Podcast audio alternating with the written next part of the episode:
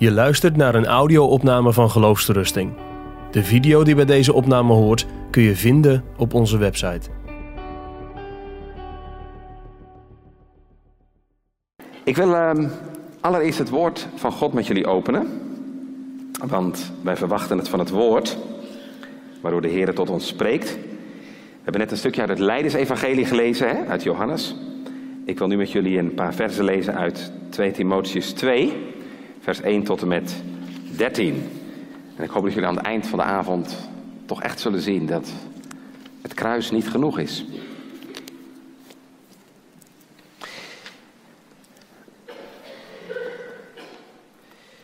2 Timotheus 2. De eerste 13 versen wil ik met jullie lezen. Waar Paulus zegt: U dan, mijn zoon, wordt gesterkt in de genade die in Christus Jezus is. En wat u van mij gehoord hebt onder vele getuigen, vertrouw dat toe aan trouwe mensen die bekwaam zijn om ook anderen te onderwijzen. Leid verdrukkingen als een goed soldaat van Jezus Christus. Niemand die in het leger dient, wordt verwikkeld in de zaken van het levensonderhoud, opdat hij hem kan behagen die hem voor de krijgsdienst aangenomen heeft. En ook als iemand aan een wedstrijd deelneemt, krijgt hij geen krans als hij de spelregels niet in acht heeft genomen. De landbouwer die zware arbeid verricht, moet als eerste in de vruchten delen. Denk na over wat ik zeg. Maar laat de Heere u inzicht geven in alle dingen. Houd in gedachten dat Jezus Christus uit de doden is opgewekt. Uit het nageslacht van David, overeenkomstig mijn evangelie. Daarvoor, voor dat evangelie, leid ik verdrukkingen. En ik draag zelfs boeien als een misdadiger. Maar het woord van God is niet gebonden. Daarom verdraag ik alles ter wille van de uitverkorenen, opdat ook zij de zaligheid in Christus Jezus zouden verkrijgen met eeuwige heerlijkheid.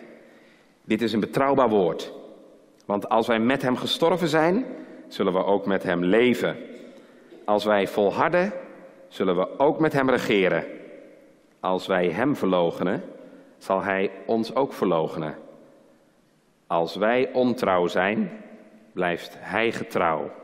Hij kan zichzelf niet verloochenen. Tot zover Gods woord.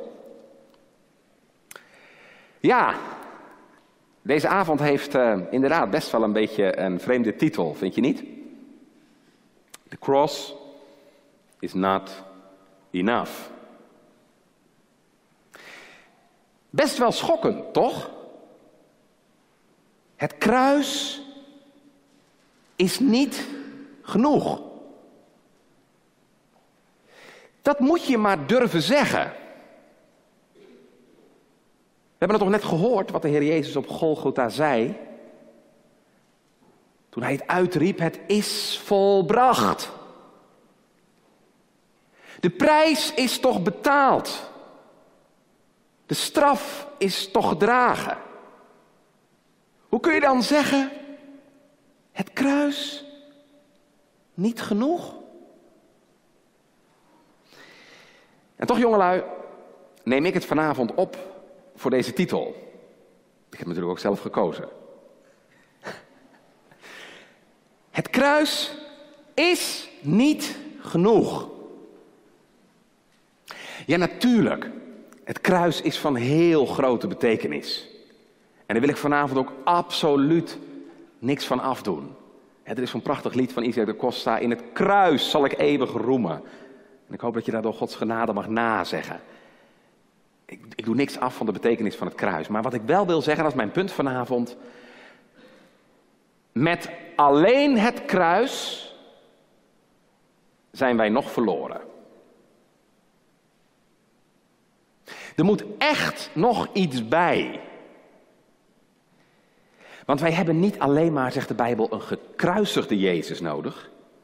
Maar we hebben ook een opgestane Jezus nodig. We zongen net dat mooi lied. Maar toen ik het zong, was ik het er eigenlijk toch niet helemaal mee eens. We zongen er net. De dood is toen voor goed verslagen. Toen Jezus sprak, het is volbracht. En toch is dat niet helemaal waar. De dood is niet, pas, is niet verslagen toen Jezus zei het is volbracht. De dood is verslagen op de derde dag, op de paasmorgen. Opstanding van Jezus is ook van cruciaal belang voor het christelijk geloof. En waarom dat zo is, dat hoop ik vanavond jullie uit te leggen. Weet jij waar de apostelen het meest over hebben gepreekt? toen ze de wereld ingingen en het evangelie gingen verkondigen. Waar hebben ze het meest over gepreekt? Nou, je weet natuurlijk waar deze avond over gaat. Je kunt het wel raden. Inderdaad, zij spraken het meest over de opstanding. Als je dat gaat tellen, vaak dat genoemd wordt, hebben ze het nog vaker over de opstanding dan over het kruis en het lijden van de Heer Jezus. lees het boek Handelingen maar en je zult zien, dat is het onderwerp wat het meest voorkomt, waar zij het meest over spraken. De opstanding van de Heer Jezus. Natuurlijk, ik zeg het nog een keer, het kruis is van onschatbare waarde.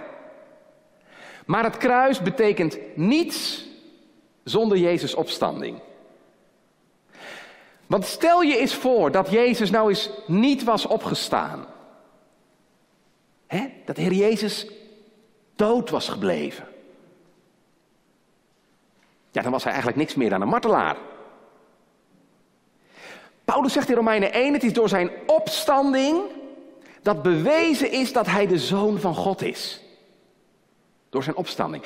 En vandaar dat diezelfde Paulus ons in de schriftlezing van de net, 2 Timotheus 2, oproept, vers 8, houd in gedachten dat Jezus Christus uit de doden is opgewekt. Eigenlijk staat er, als je het heel letterlijk vertaalt, Timotheus, want daar schrijft hij aan, hè? Timotheus, houd Jezus Christus in gedachten, opgestaan uit de dood.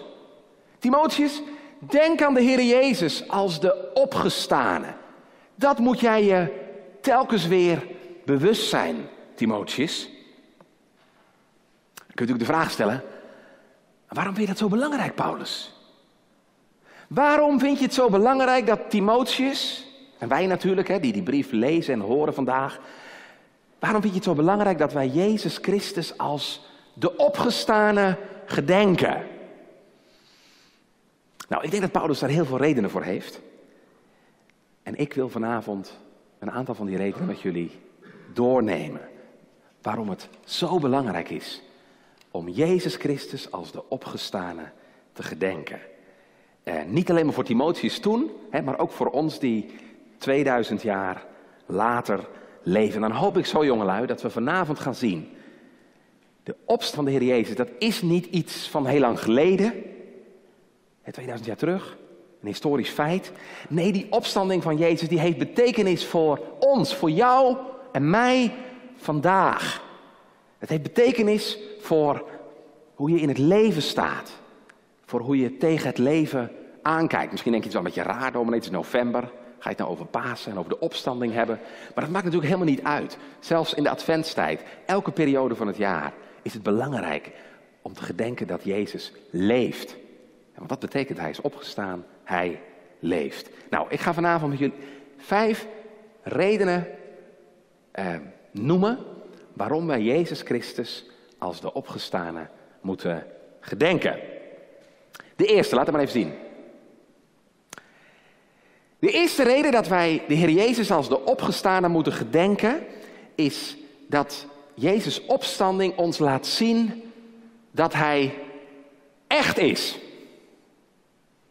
Ja, dat lijkt misschien een beetje een open deur. Maar dat is echt van levensbelang. Dat Jezus is opgewekt, betekent dat Hij echt is. Dat Hij echt is wie Hij zegt te zijn. En dat het dus ook echt waar is wat Hij gezegd heeft. En wat Hij vandaag tegen ons zegt. Dus de opstanding betekent, Jezus is echt wie Hij zei te zijn. Je weet wel wat de hoge priester vroeg aan Jezus? Die donderdagavond. Bent u de Messias? Bent u de Christus? Bent u de zoon van God? En je weet, dat was de reden dat Jezus aan het kruis moest. En want ze zagen hem als een leugenaar. Iemand die beweert dat hij iets is wat hij toch niet is. Weg met hem aan het kruis. Maar Pasen, Jezus' opstanding, laat zien, hij is het wel. Hij is echt de Messias. Hij is echt de lang verwachte koning. Hij is echt de zoon van God, de verlosser, de overwinnaar van zonde, dood en graf. Wat een geweldige troost, jongelui. Jezus' opstanding laat ons zien. Hij is echt de verlosser. Die jou en mij kan verlossen van je zonde. Hij is echt de levensvorst die ons leven kan vrijmaken van de macht van de dood waar jij misschien zo bang voor bent. Hij is echt wie hij zegt te zijn. En als Jezus echt is, dan betekent dat ook natuurlijk dat zijn woorden echt zijn. Als dit woord waar is, wat hij gesproken heeft, na drie dagen zal ik weer opstaan, nou ga er dan ook maar vanuit dat de rest ook waar is. Even een vraag, hou jij daar rekening mee? Dat Jezus woord waar is? Jezus opstanding, jongelui, betekent houd er ernstig rekening mee dat Jezus woorden waar zijn en uitkomen. Of dat nou zijn beloftes zijn, of dat nou zijn waarschuwingen zijn, of dat nou zijn aansporingen zijn. Ze zijn waar. Geloof je dat? Als hij zegt, komt allen tot mij die vermoeid en belast bent en ik zal u rust geven. Als hij zegt, zoek eerst het koninkrijk van God en alle andere dingen zullen je toegeworpen worden. Als hij zegt, vergader je geen schatten op de aarde. Als hij zegt ook, wees niet bezorgd voor de dag van morgen. Als hij belooft, de haren van uw hoofd zijn alle geteld. Als hij belooft, wie mij beleiden zal voor de mensen, die zal ik ook beleiden voor mijn Vader die in de hemel is. Al die woorden zijn waar. En daarom houdt Jezus Christus in gedachten. Opgestaan uit de dood. Hij is echt en zijn woord is echt. Tweede reden. Laat maar even zien. De tweede reden dat wij Jezus Christus als de opgestane in gedachten moeten houden, is dat de opstanding van Jezus ons laat zien dat zijn werk af is. Dat zijn werk volkomen is.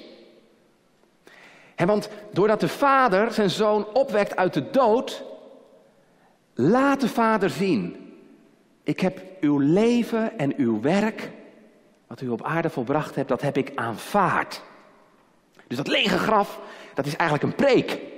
Dat lege graf, dat preekt ons. De prijs is niet alleen betaald, hè, dat gebeurde op Goede Vrijdag, op Golgotha, toen betaalde Jezus de prijs. Maar Pasen betekent, de Vader heeft de prijs ook aanvaard. Ja, en dat betekent, er is verzoening mogelijk tussen God en jou.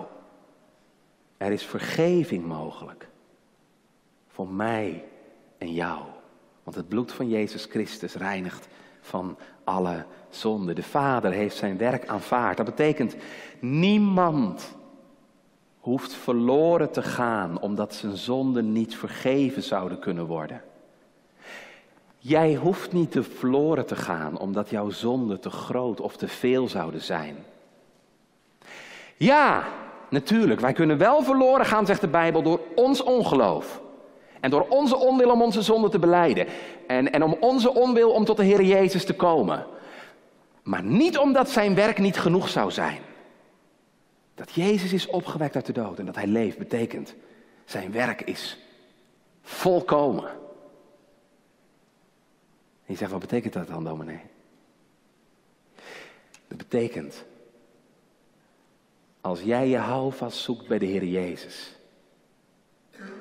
dan ben je veilig. Want Pasen betekent, de Vader is tevreden met hem. En weet je wat nou zo'n wonder is? God de Vader is ook tevreden met jou. Als jij met je zonde en je schuld bij de Heer Jezus schuilt. En want de Vader heeft het offer van zijn zoon aanvaard. En hij wil ook ons aanvaarden. Als wij onze hand in het geloof op dat offer van de Heer Jezus leggen. Hoe schuldig je ook bent, wat er ook gebeurd is in je leven, hoe verloren en arm je je misschien ook voelt.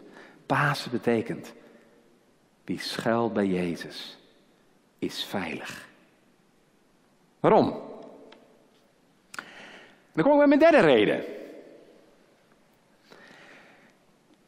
Laat maar zien.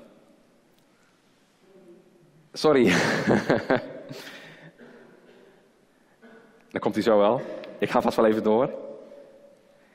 De derde reden dat wij Jezus Christus als de opgestane in gedachten moeten houden, ik zie hem al, is de opstanding van Jezus is de basis, de reden dat jij rechtvaardig voor God kunt worden.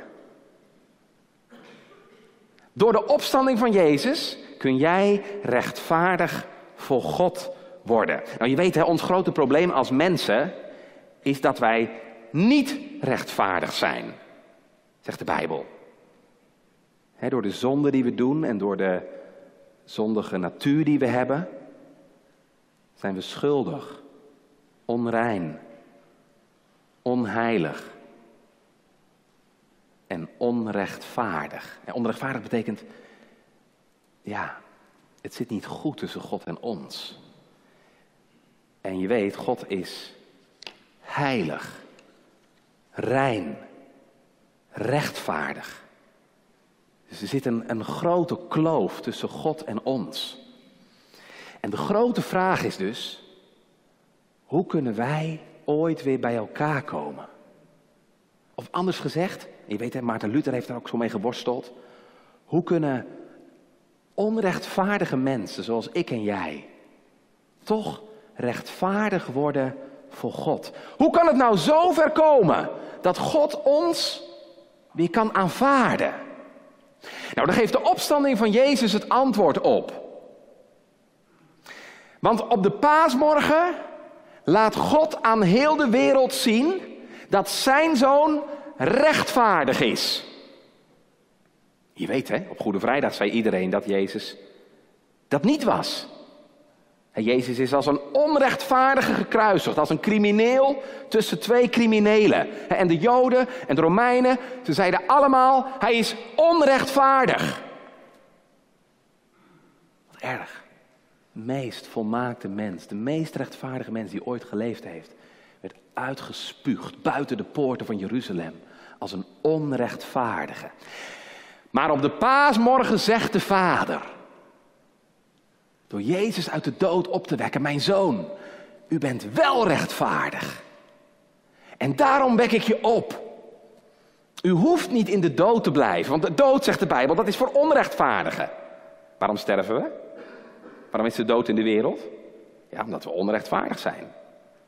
Straf op de zonde, dat weet je.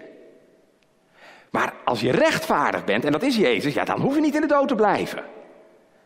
En daarom wekt de Vader hem op en hij zegt tegen heel de wereld, mijn zoon is rechtvaardig. Want hij is mij 33 jaar lang gehoorzaam geweest.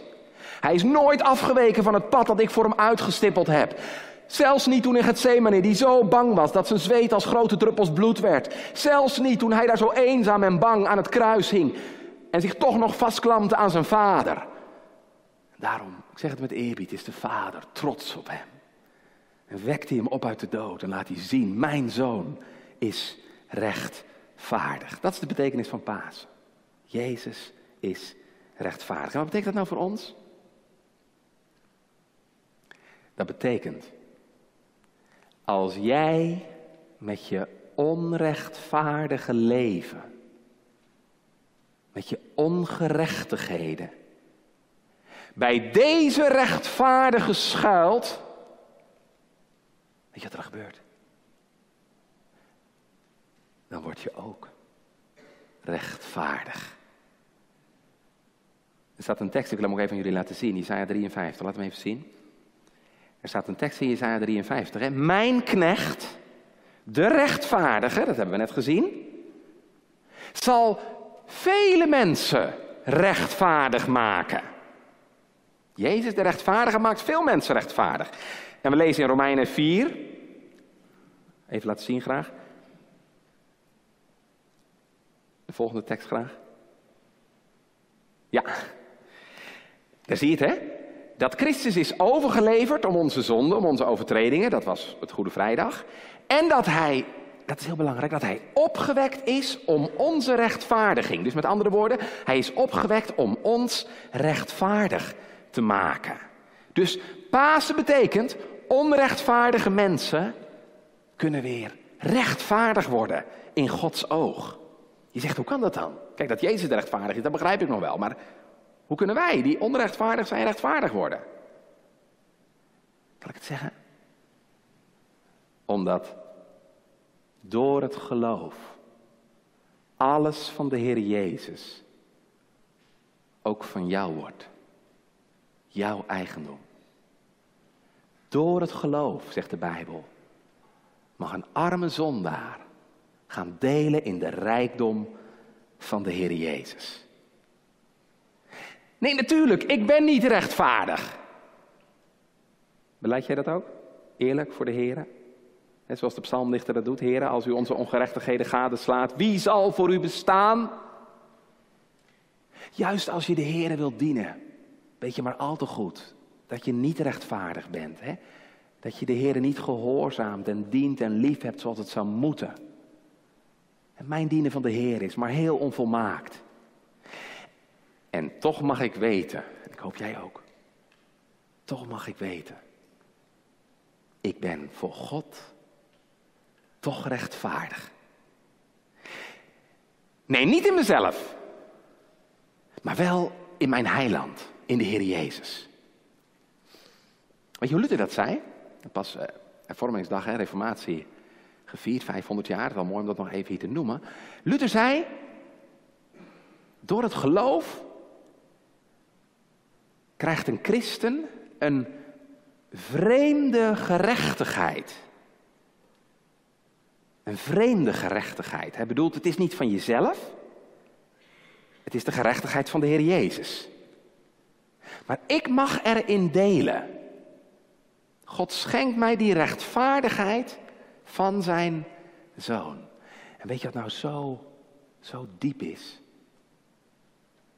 Als jij nou het eigendom bent van de Heer Jezus, dan ben je net zo rechtvaardig als Jezus zelf. Want weet je, dan kijkt de Vader niet meer naar jou en je zonde, maar dan kijkt de Vader naar Jezus. De Vader kijkt naar Jezus. En je weet als de vader naar zijn zoon kijkt, dan zegt hij, u bent mijn geliefde zoon. En weet je, als jij nou achter de Heer Jezus mag schuilen, dan zijn je zonden weg. En dan kan de vader zeggen, en, en jij bent ook mijn geliefde zoon, mijn geliefde dochter. Weet je, er staat ergens in de catechismus, ik vind het altijd heel mooi. Dan is het voor God net alsof ik nooit zonde had gehad of gedaan. Nou, dat is geweldig, hè? God zo naar je kijkt alsof je helemaal geen zonde had gehad. Maar de catechisme gaat nog een stap verder. Nee, dan is het voor God zelfs zo alsof ik zelf de gehoorzaamheid volbracht had die de Heer Jezus voor mij volbracht had. Alsof ik alles heb gedaan wat Jezus heeft gedaan. Zo kijkt God naar zijn kinderen. Onvoorstelbaar. Alles wat Jezus gedaan heeft, dat komt ook op mijn rekening te staan. En daarom mag een christen zingen, je kent dat prachtige lied wel. Al klaagt de Satan mij steeds aan, terwijl die wijst op al mijn schuld. Ik kijk omhoog en zie hem staan, die alles voor mij heeft vervuld. Ja, hij is mijn gerechtigheid, want zie, het lam is opgestaan. Hij troont als Heer der heerlijkheid, wiens liefde eeuwig zal bestaan. Dat is de derde reden. Dat wij Jezus Christus als de opgestane moeten gedenken. Want zijn opstanding is de basis waardoor jij rechtvaardig kunt worden. De vierde reden dat wij Jezus Christus als de opgestane in gedachten moeten houden, is dat Jezus' opstanding een enorme bron van kracht is voor wie gelooft. Ik kan het ook anders zeggen. Als je gelooft in de Heer Jezus, zegt de Bijbel, dan ben je eigenlijk verbonden aan een enorme krachtbron. Dan ben je verbonden aan die opgestane Christus, die leeft tot in eeuwigheid. Ik vergelijk het wel eens met een lamp. Kijk, als je een losse lamp hebt, die doet niks. Maar als je die lamp nou in de fitting draait en hij wordt verbonden aan het energienet, hè, aan, het, uh, aan de stroom, dan kan hij gaan branden en schijnen. Want dan stroomt er een enorme power, een enorme kracht door die lamp heen. En zo is het ook met een christen die verbonden is aan de Heer Jezus. Ja, en die kracht, die heb je ook hard nodig als je de Heer wilt dienen. Paulus schrijft het aan Timotheus. Nou, je weet het, Timotheus was evangelist. Ja, die kracht had Timotheus nodig in zijn werk als dienaar van het evangelie. Maar dat geldt natuurlijk ook voor elke christen. Elke christen heeft de kracht van de Heer Jezus nodig. Want hoe kun je ooit in eigen kracht de Heer dienen? Ik weet niet hoe jij dat ervaart, maar ik denk als je echt de Heer wil dienen, dan is het leven van een christen een leven dat tegen de stroom ingaat. Het is een leven, jongelui, waarin ik elke dag weer nee moet zeggen tegen mijn zonde en tegen mijn hoogmoed en tegen mijn verkeerde zondige verlangens. Een, een leven, zegt de Heer Jezus, hè, waarin je elke dag jezelf moet verloochenen. Hè. Indien iemand achter mij wil komen, die verloochenen zichzelf. Leven met de Heer, dat betekent jezelf verloochenen. Dat betekent sterven aan, je, aan jezelf, aan je oude ik.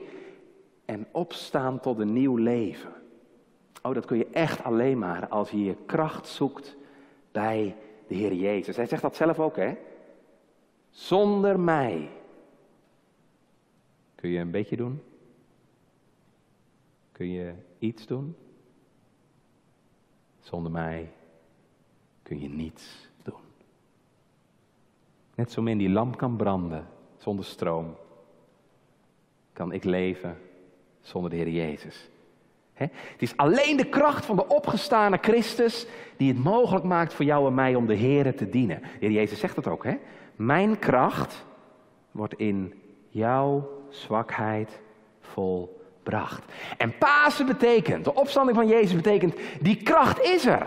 Want Jezus leeft. En omdat Jezus nu aan de rechterhand van de Vader is, dat hij verhoogd is, kan hij zijn geest aan ons geven, kan hij zijn geest naar ons zenden. En zoals die stroom vanuit de elektriciteitscentrale naar die lamp gaat, zo wil de Heer Jezus ons vervullen met de kracht van zijn geest. Wat vergeten we dat vaak, hè? Ik weet niet hoe dat bij jou is, maar wat doe ik ook vaak mijn werk in eigen kracht? Wat missen we vaak, die diepe afhankelijkheid van de Heer Jezus? Maar de Heer Jezus wil dat we dagelijks tot Hem komen.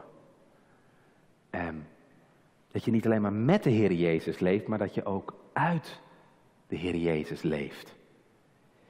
Ik, ik las dus ergens, vond ik wel een mooie uitspraak. Christus is geen tankstation, waar je zo eens in de twee weken een keer naartoe gaat hè, om bij te tanken. Maar Christus is als de kraan in je huis, waar je elke dag uit drinkt. Elke dag hebben we hem nodig. Dan mag je lege handen uitsteken.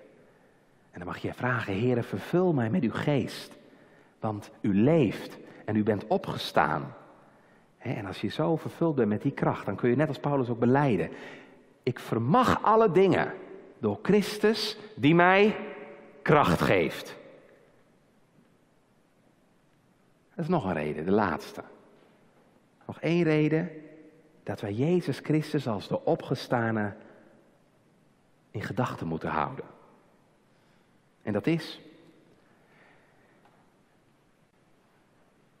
De opstanding van Jezus betekent de dood is overwonnen. Wat een geweldig nieuws. Want onze grootste vijand, jongelui, is de dood. Dat is een vijand die niemand kan ontlopen. Dat is een vijand die niemand kan ontwijken. Vroeg of laat kom je hem tegen. Het kan als je 90 bent. Het kan ook als je 19 bent. Maar vroeg of laat komen wij allemaal in aanraking met de dood. Jij denkt daar misschien liever niet over na. Dat zou best kunnen, want heel veel mensen denken daar liever niet over na. Hoe vaak gebeurt het niet als dominee dat ik bij iemand kom die gestorven is en dan vraag ik, had hij nog bepaalde wensen of, of heeft hij nog dingen gezegd voor de begrafenis of voor de uitvaart? Nee, nee, we weten niks, we hebben niks. Er is nooit over gepraat. Ja, ik ben bang dat er bij heel veel mensen zo is. Hè? We denken daar liever niet over na, we schuiven de dood maar voor ons uit. Terwijl de grootste zekerheid is in ons leven. We weten heel veel dingen niet. Je weet niet of je een partner krijgt. Weet niet of je rijk wordt. Je weet niet of je een baan krijgt. Je weet niet of je studie kunt afmaken. Maar één ding weet je zeker. Dat je een keer sterft. En we doen net alsof die niet bestaat. Heel veel mensen. Een paar jaar geleden was er in Nijmegen een uh, studentenpastor. Die uh, jonge studenten aan het denken wilde zetten. Beetje griezelig misschien, maar hij had een graf gegraven. En uh, die studenten liepen er langs. Een beetje luguber misschien, hè, maar hij wilde daarmee zeggen: besef dat je daar ook een keer terechtkomt. De meeste studenten gaven aan dat ze het maar heel eng en griezelig vonden. Ze zijn bang voor de dood en denken er liever niet over na. Moet je niet doen. Wij zijn geboren om te sterven. Ik, ik, ik kom veel bij oude mensen. die, die ervaren dat. Dat ze langzaam minder worden, dat ze aftakelen. De Bijbel zegt, de aardse tent van je lichaam wordt ja, langzamerhand stukje voor stukje afgebroken. Het begint al bij rond je dertigste geloof ik dat je hersencellen afgebroken gaan worden. Daar begint het al. We zijn eindige mensen. God stelt grenzen aan ons leven. Maar Pasen betekent, Jezus heeft de dood overwonnen. Waarom? Moet je even opletten.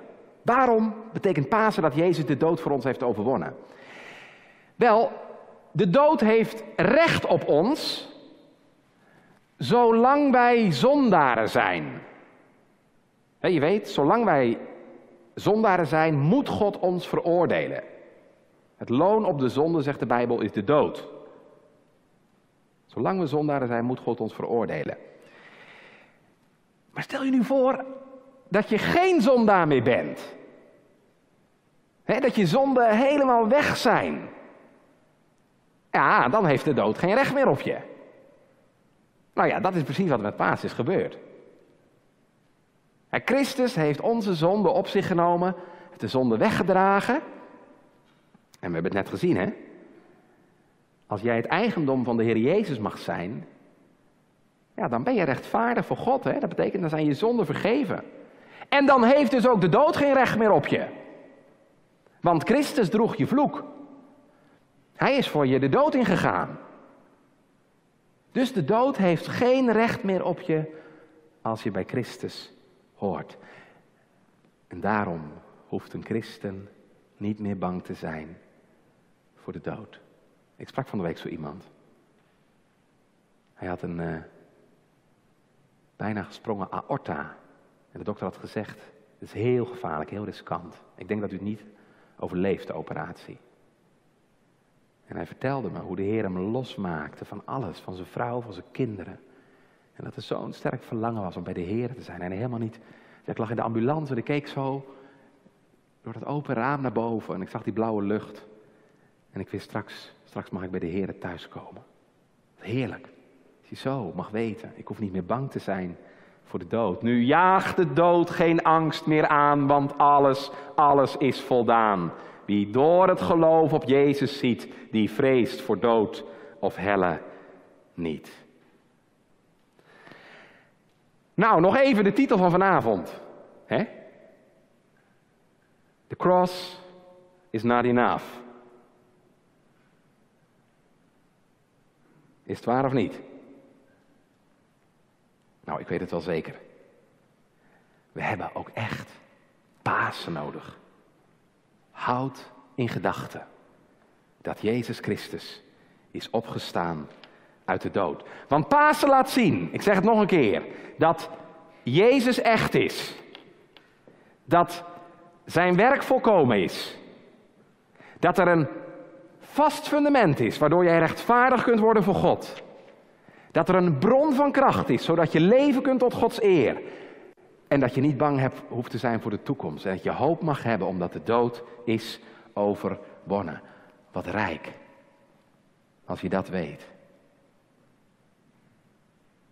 Houd in gedachten dat Jezus Christus uit de doden is opgewekt. En doe je dat niet? Maakt de opgestane Christus geen verschil in jouw leven? Maakt het je niet uit of Jezus wel of niet is opgestaan? Weet je wat Paulus zegt? Dan hoor jij bij de ellendigste van de mensen. Want als je deze Jezus niet kent, dan betekent dat, jongelui, dat jouw zonden niet vergeven zijn. Dan betekent dat dat jij niet rechtvaardig bent voor God. Dan betekent dat dat jij geen hoop hebt tegen de dood. Dat is zo erg. Ik maak dat wel eens mee als dominee. En dat is soms zo aangrijpend. Iemand die weet dat hij gaat sterven, maakt dat pas nog mee. Om maar een paar uur te leven. Dominee, en dan ga ik God ontmoeten. En ik kan hem niet ontmoeten. Wat is dat erg? En ik heb gezegd tegen die persoon: Het is nog niet te laat. Roep de Heer nog aan. Maar wat erg als je na 70, 80 jaar dat nog niet weet. Als jij het nog niet weet, ik hoop dat je zo niet verder wil leven. Want dat hoeft helemaal niet. Want Pasen betekent dat Jezus leeft. Dat Hij de levende is. Die mensen wil aanraken. Die levens wil vernieuwen. En omdat Hij leeft, doet Hij dat ook vandaag. Hij laat je opstaan tot een nieuw leven. En Hij wil je bevrijden van de macht van de zonde, van je schuld, van je angst voor de dood. En dan mag je het vragen. O Jezus, zie mij aan. Raak mij aan. Dan wil Hij je aanraken. Dan mag je opstaan tot een nieuw leven. Want nu de Heer is opgestaan, nu vangt het nieuwe leven aan. Een leven door zijn dood bereid. Een leven in zijn heerlijkheid.